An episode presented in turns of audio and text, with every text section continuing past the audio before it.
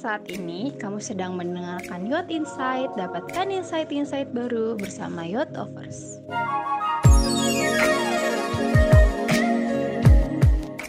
Halo semuanya, selamat datang di podcast Yacht Offers. Sebelumnya perkenalkan dulu, nama aku Nadia. Aku kuliah di Universitas Surabaya jurusan manajemen. Jadi karena ini podcast pertama aku, Kali ini kita akan ngebahas sesuai dengan pengalaman aku, yaitu tentang magang. Buat kalian yang masih ragu, kenapa sih harus magang? Buat apa? Khususnya untuk kalian para mahasiswa.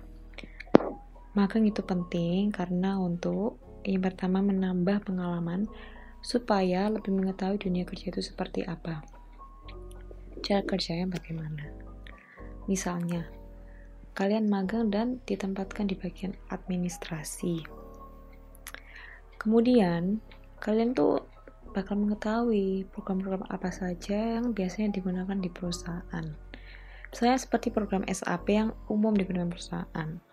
Kalian bakal tahu gimana cara pakainya, step-stepnya seperti apa.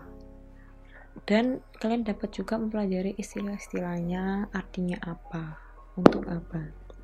Selain itu, mengenal ketidaksesuaian antara teori dan praktek kerja.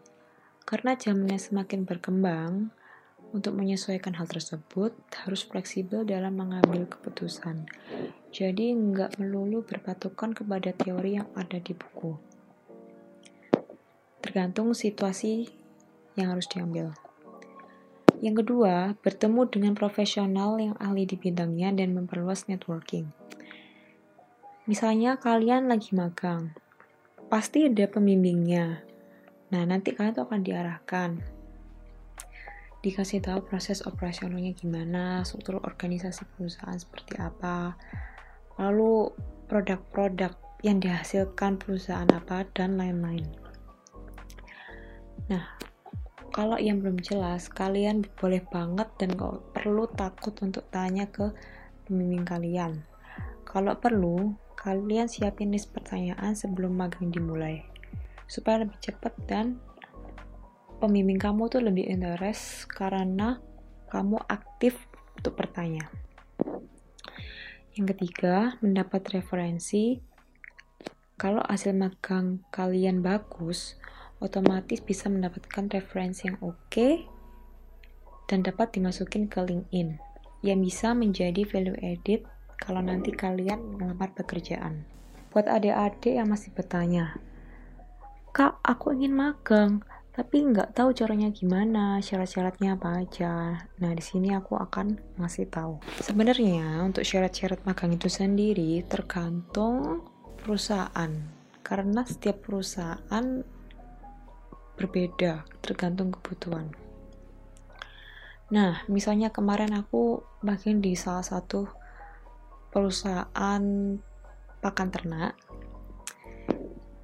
Nah, untuk makan di sana cuma disuruh ngasih surat izin makan dari kampus dan surat makan itu sendiri. Nah, beberapa waktu lalu aku sempat apply magang di salah satu perusahaan e-commerce. Kalau di sana beda lagi.